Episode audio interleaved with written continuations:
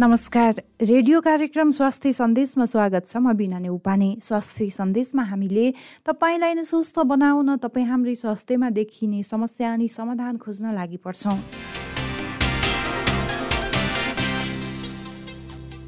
Radio candid बयानब्बे दशमलव सात मेगा हर्जमा कार्यक्रम स्वास्थ्य सन्देश।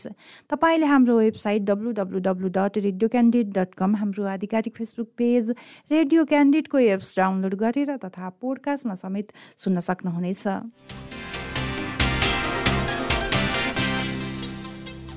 हिजो हामीले इम्युनोलोजीको बारेमा अर्थात् पछिल्लो समय बालबालिकामा बारम्बार किन सङ्क्रमण भइरहेको छ के कारणले गर्दा समयमै रोग पत्ता लगाउन सकेको छैन भनेर प्रस्तुत गरेका थियौँ। बालबालिकामा बारम्बार किन सङ्क्रमण भइरहेको छ भनेर हामीले इम्युनोलोजिस्ट तथा पेडियाट्रिक डाक्टर धर्मागत भट्टराईसँगको कुराकानी सुनाएका थियौँ।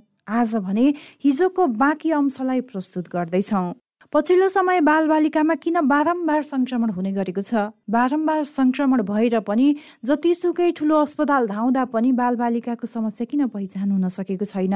अर्थात् उनीहरूको समस्या पहिचान भएर उपचार किन हुन सकिरहेको छैन? समस्या पहिचान नभएर बालबालिकाको मृत्यु समेत हुने गरेको छ। यस्तो किन भइरहेको छ?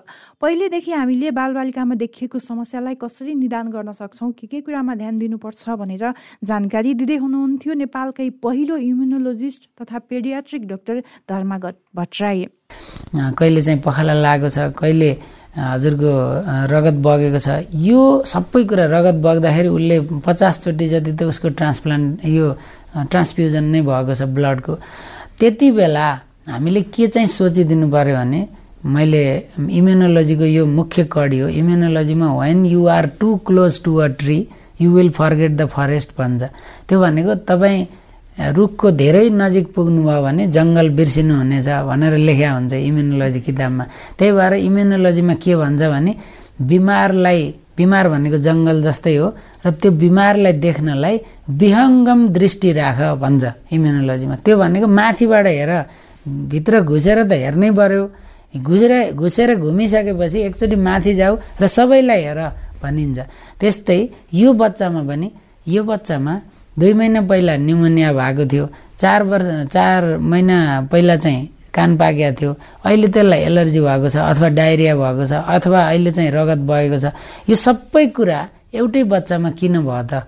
यो त कुनै एउटै जड कारणले त होइन भनेर हामीले त्यो मूल कारण खोजिन पर्यो।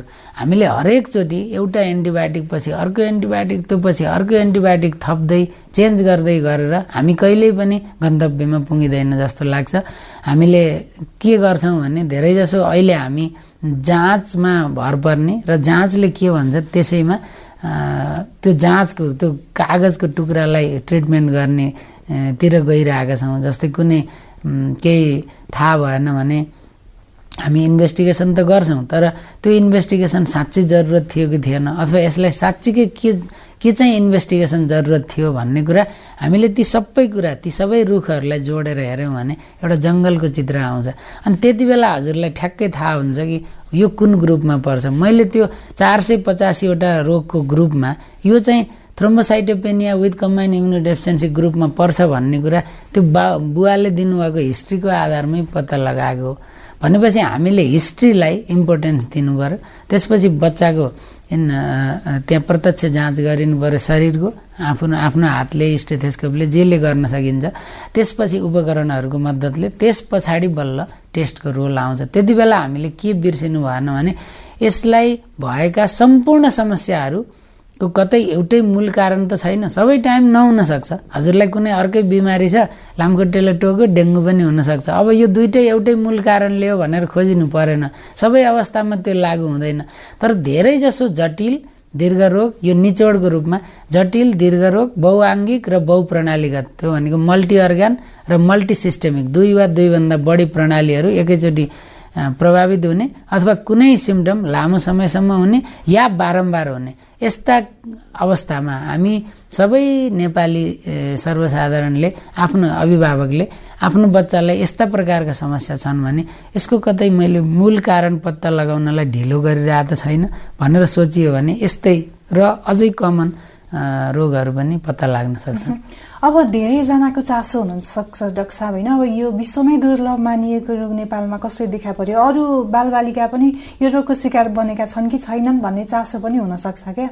यति बेला जतिले पनि हामीलाई खबरमा हेर्दै हुनुहुन्छ रेडियो क्यान्डिडमा सुन्दै हुनुहुन्छ नि उहाँहरूको बालबालिकामा पनि अब बारम्बार सङ्क्रमण भइरहेछ भने त्यसको कारण चाहिँ अब के हो मान्यता के हुनसक्छ? हजुर यसमा एकदमै इन्फर्मेटिभ कुरा के हुनसक्छ भने उहाँहरूको लागि पहिलो कुरा हाम्रोमा बारम्बार भनेको के हो? त्यो बारम्बारको परिभाषा भन्छु। Jeffrey Modell foundation immunodeficiency foundation र युरोपियन सोसाइटी अफ इम्युनो डेफिसियन्सीले फरक फरक क्राइटेरियाहरू दिएका छन्। सर्वसाधारण अभिभावकले कति बेला आफ्नो बच्चामा इम्युन कमीका रोग अथवा यस्ता जटिल रोगहरू जसको मूल कारण सोच्ने भनेर। ती लक्षणहरू सामान्य छन् जस्तो वर्षमा एक वर्षमा प्रमाणित दुईचोटिभन्दा बढी न्युमोनिया भयो भने। त्यो रुगाखोकीलाई न्युमोनिया भनेको खाले न्युमोनिया होइन साँच्चीकै न्युमोनिया हुनु पऱ्यो प्रमाणित न्युमोनिया हुनु पऱ्यो चिकित्सक चिकित्सकीय प्रमाणसहितको न्युमोनिया दुईचोटिभन्दा बढी। अनि चारचोटिभन्दा बढी कानको इन्फेक्सन भयो भने सङ्क्रमण भयो भने चाहे त्यो पिप आउने खालको होस् या नआउने खालको होस् अनि दुईचोटिभन्दा बढी साइनसको इन्फेक्सन भयो भने अनि परिवारमा बचपनमा कुनै बालबालिकाको अज्ञात कारणले मृत्यु भएको छ अथवा परिवारमा पहिल्यै इम्युन कमीका रोगहरू थाहा भएका छन् भने चौथो ढुसीको इन्फेक्सन एक महिनाभन्दा पछिको उमेरमा कुनै पनि बालबालिकामा जस्तै जिब्रोमा बाख्री पर्ने टाइपको इन्फेक्सन भएको छ भने अनि पाँचौँ भनेको हजुरको आन्तरिक अङ्गहरू कुनै पनि आन्तरिक अङ्ग जस्तो कलेजो फोक्सो फियो यस्ता अङ्गहरूमा पिप भरिने प्रकारका इन्फेक्सन कुनै पनि कारणले होस् चाहे त्यो ब्याक्टेरियाले होस् या ढुसीले होस् या कुनै पनि कारणले होस् त्यस्तो इन्फेक्सन एकभन्दा बढीचोटि त्यो पिपसहितको देखियो भने त्यसमा पनि हामी सचेत हुनु पऱ्यो अनि बच्चामा हामीले जाँच गर्दै जाँदा जस्तो हर्मोनको जाँच गऱ्यौँ एचआइभी गऱ्यौँ क्यान्सरको जाँच गऱ्यौँ सबै गऱ्यौँ तर ऊ बढ्दैन। त्यो बच्चाको वृद्धि विकास आङ्गिक विकास र त्यो पक्ष चाहिँ रोकिएको छ भने पनि। अनि त्यस्तै गरेर हजुरलाई कुनै पनि बच्चालाई एन्टिबायोटिक दिँदाखेरि त्यसको प्रभाव कम देखिन्छ अथवा हरेकचोटि सङ्क्रमण हुँदाखेरि सुईद्वारा दिइनुपर्ने एन्टिबायोटिकहरू दिइरहनु पर्ने अवस्था छ र हरेकचोटि आइसियुको जरुरत परिरहेको छ भने र त्यसमा पनि इम्पोर्टेन्ट एकदमै महत्त्वपूर्ण पोइन्ट छ एउटा। त्यसमा कुनै अस्वाभाविक जीवले अस्वाभाविक समय समयको लागि अन्तरालको अवधिको लागि र अस्वाभाविक तवरले इन्फेक्सन गरेको छ भने त्यसमा पनि इम्युनोडेफिसियन्सी अथवा यस्ता जटिल रोगहरू जसको कारण सोचिनुपर्छ ती ती ती ती अवस्थामा चाहिँ अभिभावकले ध्यान दिनुपर्छ भन्ने चाहिँ त्यो एउटा क्राइटेरिया दिइएको छ। मैले यो प्रस्तुत गरेँ। अब हामीले हाम अभिभावकले चाहिँ के सोचिनुपर्छ भने संक्षेपमा यो चाहिँ बारम्बारलाई कतिलाई भन्ने भन्ने कुरा छ। यसमा म दुई तिनवटा कुरा चाहिँ अभिभावकलाई क्लियर गराइदिन चाहन्छु। हाम्रो अभिभावकहरू चाहिँ अहिले म कहाँ धेरै जसो यो सचेतना बढ्दै गएपछि आउनुहुन्छ। बच्चालाई धेरैचोटि रुगा लायो भनेर। रुगा खोकी मात्रै भाइरसले गर्दा हुने भाइ धेरैजसो रुगा खोकी भाइरसले नै हुन्छ। भाइरसले गर्दा हुने रुगा खोकी वर्षमा आठदेखि बाह्रचोटिसम्म नर्मल्ली हुन्छ। त्यसकारण बाह्रचोटिसम्मको अझ यो हामीले चाहिँ मन्टेसरीमा अथवा डे केयरमा अथवा चाहिँ सानो साना साना बालबालिकाहरू को क्लासमा जुन मिक्सिङ हुन्छ बच्चा बच्चाहरू धेरै मिक्स हुन्छन् एक आपसमा। त्यस्तोमा तिनीहरूको त्यो रुगाको एपिसोड अझै बढ्न सक्छ। त्यस्तोमा यसलाई इम्युन कमीको रोग हो कि भनेर अत्तालिहाल्नु पर्दैन। तर ती इन्फेक्सनहरू ती भाइरल इन्फेक्सनहरू पनि त्यो बाह्रभन्दा एकदमै बढी चौबिसचोटि तिसचोटि भयो भने त चिन्तित हुनु पऱ्यो नत्र त्यसमा परेन। नत्र अघि मैले भनेका कुराहरू जुन सिम्टमहरू छ त्यसमा चिन्तित हुनु पऱ्यो त्यसमा त्यसमा केही कुराहरू एक्सेप्सन छन्। जस्तो नवजात शिशु भनेको अठाइस दिनभन्दा कम उमेरको कुनै शिशु छ। त्यसमा बारम्बार निक्कुमा राखेको बेलामा बारम्बार सङ्क्रमण भयो भने त्यो इम्युन कमीको कारणले हो भनेर सोचिनु पर्दैन। भर्खर जन्मेको बच्चामा एन्टिबडीको लेभल कम नै हुन्छ तर त्यो इम्युन कमी होइन त्यो नर्मल प्रक्रिया हो। दोस्रो युरिनरी ट्र्याक्ट मूत्र नलीको इन्फेक्सन धेरैचोटि भयो भन्दैमा त्यो इम्युनो डेफिसियन्सीले हुँदैन। त्यो कुनै बाहिरी कारणले गर्दा हाम्रो ह्याबिटको कारणले डाइपर बढी लगाइरहेको कारणले एसेन्डिङ इन्फेक्सन भएको कारणले कुनै हुनसक्छ। यी चाहिँ एक्सेप्सन भए। त्योभन्दा बाहेक मैले अघि प्रस्तुत गरेका दसवटा पोइन्टहरूमा त्यसमा पनि निचोडमा के बुझ्न सकिन्छ भने बारम्बार सङ्क्रमण बहुआङ्गिक मल्टी अर्ग्यान बहुप्रणालीगत मल्टिसिस्टेमिक र कुनै जटिल या दीर्घ रोग जसको कुनै कुराले व्याख्या गर्न सकेको छैन। भने त्यति बेला हामीले यो प्राइमेरी इम्युनोडेफिसियन्सी डिजिजहरू सोचिनुपर्छ। प्लस यसमा के पनि जोड्न चाहेँ भने मैले प्राइमरी भनेको जन्मजात भएको जिनमा भएको डिफेक्टको कारणले हुने रोगहरू हुन्। तर जन्मिँदाखेरि जिन ठिक छ भन्दैमा पछि इम्युन कमीको रोग हुँदैन भन्ने छैन। त्यसमा हामीले के सामान्य उदाहरणले बुझ्न सकिन्छ भने एचआइभी त सबैले सुनेको कुरा हो। ह्युमन इम्युनोडेफिसियन्सी भाइरस यसले इम्युन डेफिसियन्सी गराउँछ। त्यस्तै अरू थुप्रै किटाणुहरू छन् जस्तो इन्फ्लुएन्जा भन्नुहोस् या लहरे खोकीको भाइरस भन्नुहोस् सरी ब्याक्टेरिया भन्नुहोस्। त्यसपछि यो कालाजारको जुन किटाणु छ तिनीहरूले पनि हाम्रो शरीरमा इम्युन कमीको अवस्था ल्याउन सक्छन्। त्यस्तै गरेर क्यान्सर भएको पेसेन्टलाई पनि इम्युन कमी हुनसक्छ र त्यो क्यान्सरमा युज गरिने औषधिहरूले पनि इम्युन कमी ल्याउन सक्छन् कुपोषण भयो भाइरल इन्फेक्सन भयो अनि त्यस्तै गरी जुन बच्चालाई सन्तुलित आहार निद्रा व्यायाम र तनाव रहित अवस्था यो चारवटा कुराबाट वञ्चित भएको छ भने त्यसलाई पनि इम्युन कमी हुनसक्छ। इम्युन कमीका अरू थुप्रै कारणहरू पनि छन् जस्तै यो मेटाबोलिजम सम्बन्धी बिमारीहरू छन् जसलाई इन्बर्न एरर अफ मेटाबोलिजम भनिन्छ। त्यस्तै इन्फ्लामेटरी बाउल डिजिज भन्ने पाचन नलीको सङ्क्रमण हुन्छ। त्यस्तै इन्केफलाइटिस गराउने बिमारीहरू हुन्छन्। यी तमाम छन् बिमारीहरू। तिनमा पनि इम्युन कमी हुनसक्छ या गडबडी हुनसक्छ। तर यो हिस्सा र त्यो हिस्सा जेसुकै भए पनि बहुआङ्गिक बहुप्रणालीगत बारम्बार सङ्क्रमण र शरीरमा अस्वाभाविक घाउहरू या अस्वाभाविक कुनै प्रकारका समस्याहरू देखिएका छन् जुन साधारण का कारणहरूले व्याख्या हुँदैनन् र बारम्बार औषधि दिँदाखेरि केही समयलाई निको भए जस्तो देखिने र फेरि बल्झिने छन् भने त्यसमा मूल कारण पत्ता लगाउनलाई अभिभावकले केही न केही प्रयास गर्नै पर्छ। पक्कै पनि यति बेला जतिले पनि हामीलाई हेर्दै हुनुहुन्छ र सुन्दै हुनुहुन्छ उहाँहरूले हाम्रो कुराकानी सुनिसके पछाडि फ हाम्रो कुराकानीलाई नै फलो गरेर अगाडि बढ्नुहुनेछ भन्ने आशा गरौँ होइन? अब यो बारम्बार सङ्क्रमण हुने कुरा भइरहँदाखेरि डाक्टर साहब अब कतिपय अभिभावकलाई चासो हुनसक्छ। हामीले कस्तो अवस्थामा भनौँ अथवा कस कस्तो लक्षण देखा पर्यो भने चाहिँ गम्भीर अवस्थाको मान्ने भन्ने। हजुर अघि मैले दसवटा पोइन्ट भने त्यो अवस्थालाई नै गम्भीर मानिनुपर्छ। त्यसमा जुन मैले बारम्बार भनेको कति फ्रिक्वेन्सी त्यो बताएँ अनि आन्तरिक अङ्गहरूको इन्फेक्सन त्यसपछि कुनै एन्टिबायोटिकको प्रभाव त्यति बेलालाई मात्रै केही समय मात्रै रहने अनि फेरि त्यो बल्झिरहने फेरि फेरि बारम्बार भइरहने अथवा नयाँ सङ्क्रमणहरू बल्झिनै पर्दैन जस्तै एउटा बच्चालाई न्युमोनिया भयो त्यो सन्चो भयो अनि हजुरले चाहिँ केही समयपछि त्यही बच्चा फेरि न्युमोनिया फेरि दुई महिनापछि फेरि न्युमोनिया एउटा पूर्वी नेपालको एउटा बच्चाको कथा म हजुरलाई भन्यो भने त्यसमा पुष्टि हुन्छ होला। त्यो बच्चालाई वर्षमा लगभग तेह्र चौधचोटि शरीरमा पिलो आउँथ्यो। कुनै पनि बच्चालाई चौधचोटिसम्म पिलो आउँदैन। यो कुरा यदि त्यो आएको छ कसैले सुन्नुभएको छ भने त्यो हन्ड्रेड पर्सेन्ट इम्युन कमीले गर्दा हो। त्यसको फरक फरक अङ्ग इम्युन इम्युनिटी प्रदान गर्ने पनि थुप्रै अवयवहरू हुन्छन्। जस्तो सेता रक्तकोष मुख्य हो तर त्यसमा अवयव त्यसका तत्त्वहरू छुट्टा छुट्टै हुन्छन्।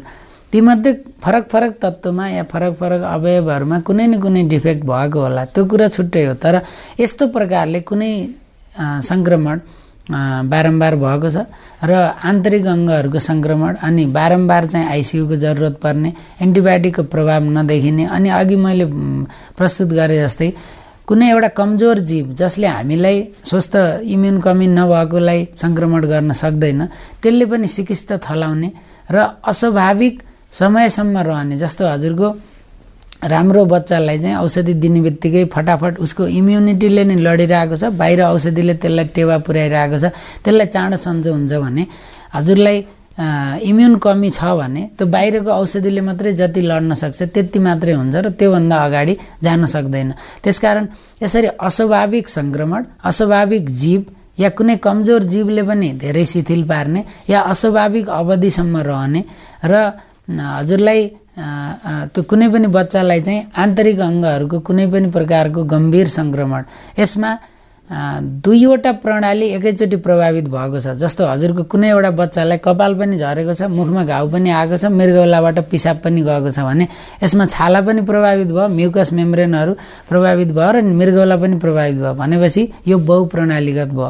त्यस्तो अवस्थामा यो सामान्य बिमारी छ भनेर त्यत्तिकै बस्नु हुँदैन। त्यस बसियो भने यही जुन मैले बच्चाको उदाहरण भने त्यसमा निमोनिया हेर्ने हेर्दाखेरि न्युमोनियाको मात्रै औषधि दिइयो कान हेर्दा कानको मात्रै दिइयो तर यही बच्चालाई हिजो एलर्जी पनि भएको थियो न्युमोनिया पनि भएको थियो इन्फे अहिले कानको इन्फेक्सन पनि छ ब्लिडिङ पनि छ जुन बेला ब्लड चढाइराखिएको छ त्यति बेला हामीले यो पनि सोचिनु पऱ्यो कि यो बच्चालाई पहिला न्युमोनिया पनि थियो यो पनि थियो। यसरी धेरै अङ्गका समस्याहरू सङ्क्रमण नै हुनुपर्छ भन्ने छैन जस्तो हजुरको ब्लिडिङ भइरहेको छ त्यो त सङ्क्रमण होइन त्यो त प्लेटलेट कमी भएर भएको त्यसकारण सङ्क्रमणभन्दा पनि बारम्बार भएका समस्याहरू जुन समस्याहरू जटिल छन् जसको कारण पत्ता लगाइएको छैन र अहिलेसम्म जति गरिएको छ लाक्षणिक उपचार मात्रै गरिएको छ भने त्यस्तो प्रकारका ब समस्या भएका बच्चाका अभिभावकले त्यसको मूल कारण पत्ता लगाउनेतिर जानै पर्छ हजुरले कुनै बच्चालाई रक्त अल्पता भएको छ प्लेटलेट कम भएको छ भने तपाईँले त्यसमा प्लेटलेट मात्रै चढाएर बस्नुभयो भने त्यो लक्षणको उपचार हो। तर यो बच्चालाई मेरो बच्चालाई प्लेटलेटको कमी किन भयो भनेर कारण खोज्नुभयो भने अब हजुर ज्वरोमा पुग्नुहुन्छ। त्यसकारण कुनै पनि बच्चालाई एउटा मात्रै प्रणालीगत समस्या छ जस्तै एकचोटि एउटा बच्चामा निमोनिया मात्रै भयो। त्यति बेला त्यो प्यारेन्ट्स आत्तिनु परेन। तर दुईचोटिभन्दा बढी न्युमोनिया भयो तपाईँको बच्चालाई प्रमाणित तरिकाको न्युमोनिया भने त्यति बेला हजुर आत्तिनु पऱ्यो त्यही त्यसकारण मैले माथि भने जस्तै कति आवृत्तिमा कति फ्रिक्वेन्सीमा कुन अङ्गमा कस्तो प्रकारको लक्षणहरू आएको छ भन्ने कुरा र त्यो पनि हजुरहरूले सम्झिनुहुन्न भने मैले यसलाई अझै सामान्यकरण गरेर के भन्छु भने कुनै पनि लक्षणहरूको समूह प्रष्ट रूपमा व्याख्या हुने गरी कुनै बिमारीले व्याख्या गर्दैन भने त्यति बेला र त्यो दीर्घकालसम्म रहन्छ भने दीर्घकाल भनेको छ हप्तालाई मान्नुहोस्। छ हप्ताभन्दा बढीसम्म रहन्छ भने हामी सचेत हुनुपर्छ। भलै कुनै बेलामा त्यो त्यसैको बिमारी नहुन पनि सक्छ। अरू अरू गम्भीर बिमारीहरू पनि छन् जस्तो अन्तस्रावी बिमारीहरू यो इन्डोक्राइन समस्याहरू अरू जेनेटिक बिमारीहरू इनबर्न इरर अफ मेटाबोलिजम भन्छ। यो उपापचय भनेको मेटाबोलिजम सम्बन्धी हाम्रो हामीले खाएका पदार्थहरूलाई कसरी टुक्राउने त्यस्तो प्रकारको एउटा स रोगको समूह छ त्यो इन्बर्न इरर अफ मेटाबोलिजम। त्यो पनि हुनसक्छ तर हामीले एउटा कारणको रूपमा चाहिँ इम्युन कमीका रोग र बाल बातजन्य रोगहरू हो कि भनेर सोचिनुपर्छ र एउटा यसैमा म जोडिहाल्न चाहेँ बच्चामा बाथ रोग हुँदैन भन्ने एउटा भ्रम छ यो घातक भ्रमलाई हटाउँ। र दोस्रो बाथ रोग भनेको जोर्नी मात्रैका रोग हुन् भन्ने अर्को झन् ठुलो घातक रो भ्रम छ। बच्चाका बाथ रोगहरू जोर्नी मात्रैका हुँदैनन्। जोर्नी बिनाकै बाथहरू पनि अझै बढी सङ्ख्यामा हुन्छन् र यिनीहरू अझै बढी समस्या ल्याउने खालका गम्भीर सघन हुन्छन्। र तन्तुका बाथहरू त धेरै झुक्क्याउने प्रकृतिका हुन्छन्। त्यसकारण विभिन्न तन्तुहरूमा केही समस्या एउटै बच्चामा आएको छ भने हामी सचेत हुनुपर्छ। पक्कै पनि जतिले हाम्रो कुराकानी सुनेर र हेरेर बसिरहनु भएको छ उहाँहरूले पनि अब यही हाम्रो कुराकानी अनुसार नै अगाडि बढ्नुहुनेछ र सम्बन्धित चिकित्सकलाई देखाउनु हुनेछ भन्ने आशा गरौँ। अब यति बेला जतिले पनि हेरेर बसिरहनु भएको छ र सुनिरहनु भएको छ नि अब नेपालको पहिलो इम्युनोलोजिस्ट डक्टर हुनुहुन्छ साथै बालरोग विशेषज्ञ त हुनुहुन्छ नै। के सन्देश दिन चाहनुहुन्छ? म सबै चाहिँ सुन्ने अभिभावकहरूलाई के भन्न चाहन्छु भने हजुरको कुनै पनि समस्या धेरै लामो समयसम्म टिकिरहेको छ। र त्यसलाई त्यसको मूल कारण पत्ता लागेको छैन भने हामी त्यति बेला सचेत हुनैपर्छ अहिलेदेखि कुनै पनि दुईवटा अङ्ग दुईवटाभन्दा बढी अङ्गहरूमा र दुईवटाभन्दा बढी प्रणाली हाम्रो शरीरमा श्वास प्रश्वास प्रणाली रक्त सञ्चार प्रणाली मांसपेशी प्रणाली स्नायु प्रणाली यस्ता प्रणालीहरू छन्। ती प्रणाली दुईवटाभन्दा बढी प्रणाली एकैचोटि प्रभावित हुने गरी कुनै पनि प्रकारको समस्या छ भने त्यसमा हेलचेक्राइ गरेर लाक्षणिक उपचार मात्रै गरेर नबसौँ। यो भनेको यसरी बसियो भने खोकी लागेको अनि ज्वरो पनि आएको छाती दुखेको बच्चालाई खोकीको ज्वरोको र छाती दुखेको औषधि मात्रै दिएर बस्या जस्तो हुन्छ। त्यति बेला हजुरले यो कतै टिबी पो हो कि भनेर सोच्नुभयो भने मात्रै टिबीको बिमारी पत्ता लाग्छ। त्यसकारण हजुरले यस्ता धेरै लक्षणहरू छन् भने पक्कै पनि विशेषज्ञको परामर्श लिनुपर्छ र विशेषज्ञ कहाँ पुग्न पाउनुभयो भने उहाँहरूले हाम्रो जरुरत पर्छ भने रिफर गर्नु होला जरुरत नपर्ने प्रकारको समस्या छ भने हजुरलाई त्यही अनुसारको ट्रिटमेन्ट गर्नुहोला र त्यही टिबीकै कुरा गर्दा पनि एउटा इम्युन कमीको रोग हुन्छ एमएसएमडी भन्ने। त्यसमा जतिसुकै टिबीको दबाई दिनुहोस् सन्चो हुँदैन। किनभने त्यो बिमारी भनेकै Mendelian susceptibility to mycobacterial disease mycobacterial डिजिजको विरुद्ध लड्न नसक्ने प्रकृतिको इम्युन कमीको रोग हो। त्यसकारण मैले निचोडमा के भन्छु भने कुनै पनि बच्चामा कुनै पनि औषधिको प्रभाव कम छ र लाक्षणिक उपचार मात्रै गरेर राखिएको छ। तपाईँको मनमा मेरो बाबुलाई भित्र केही भइरहेको छ तर पत्ता लगाइरहेको छैन जड कारण भन्ने कुरा लागिरहेको छ भने तपाईँ सही हुन सक्नुहुन्छ। पेडियाट्रिक्समा अभिभावक सधैँ सही हुन्छन् भन्ने कथन छ। त्यसकारण हजुरहरूले त्यस्ता बारम्बार सङ्क्रमण शरीरमा पिला खटिरा गाँठागुठी कुनै लिम्फका ग्रन्थीहरू सुनिने नाडी गतिमा परिवर्तन आउने दुईवटा हातमा दुईवटा खुट्टामा अलग रक्त रक्तचाप हुने बच्चालाई अस्वाभाविक स्ट्रोक हुने सानो बच्चामा त स्ट्रोक नहुनुपर्छ नि त्यस्तो हुने यस्ता प्रकारका लक्षण सँगसँगै बारम्बार सङ्क्रमण कमजोर जीवाणुले बढी गम्भीर पार्ने बारम्बार आइसियुको जरुरत पर्ने एन्टिबायोटिकले कम प्रभाव पर्ने र बारम्बार चाहिँ एन्टिबायोटिक दिइरहने तर बिरामीको बिमारको कारण पत्ता नलाग्ने अवस्था छन् भने त्यति बेला इम्युन कमी या बातजन्य बाल बातजन्य रोगहरू छन् कि भनेर एउटा सम्भावनाको रूपमा हेरिनुपर्छ।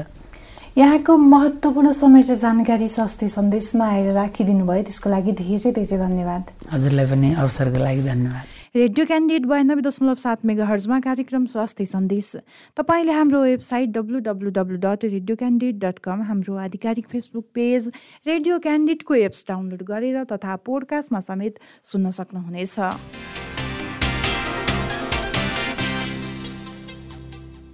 बालबालिकामा बारम्बार सङ्क्रमण किन हुन्छ भनेर केन्द्रित भएको स्वास्थ्य सन्देश तपाईँलाई कस्तो लाग्यो? हामीलाई सल्लाह सुझाव र प्रतिक्रिया दिन नभुल्नुहोला। त्यसको लागि हाम्रो ठेगाना हो कार्यक्रम स्वास्थ्य सन्देश रेडियो क्यान्डिड बयानब्बे दशमलव सात मेगा हर्ज दरबार मार्ग काठमाडौँ। यस्तै हामीलाई हाम्रो फेसबुक पेजमा मेसेज तथा इमेल ठेगाना radio candid ninety two point seven eight the rate Gmail dot कममा मेल गर्न सक्नुहुनेछ। हवस् त। नियमित कार्यक्रम स्वास्थ्य सन्देश भोलि यही समयमा फरक विषयवस्तुका साथ उपस्थित हुनेछौँ। कार्यक्रम अवधिभर प्रविधिमा साथ दिने गणेश श्रेष्ठ सहित कार्यक्रम स्वास्थ्य सन्देशबाट बिना उपाने बिदा हुन्छु। नमस्कार।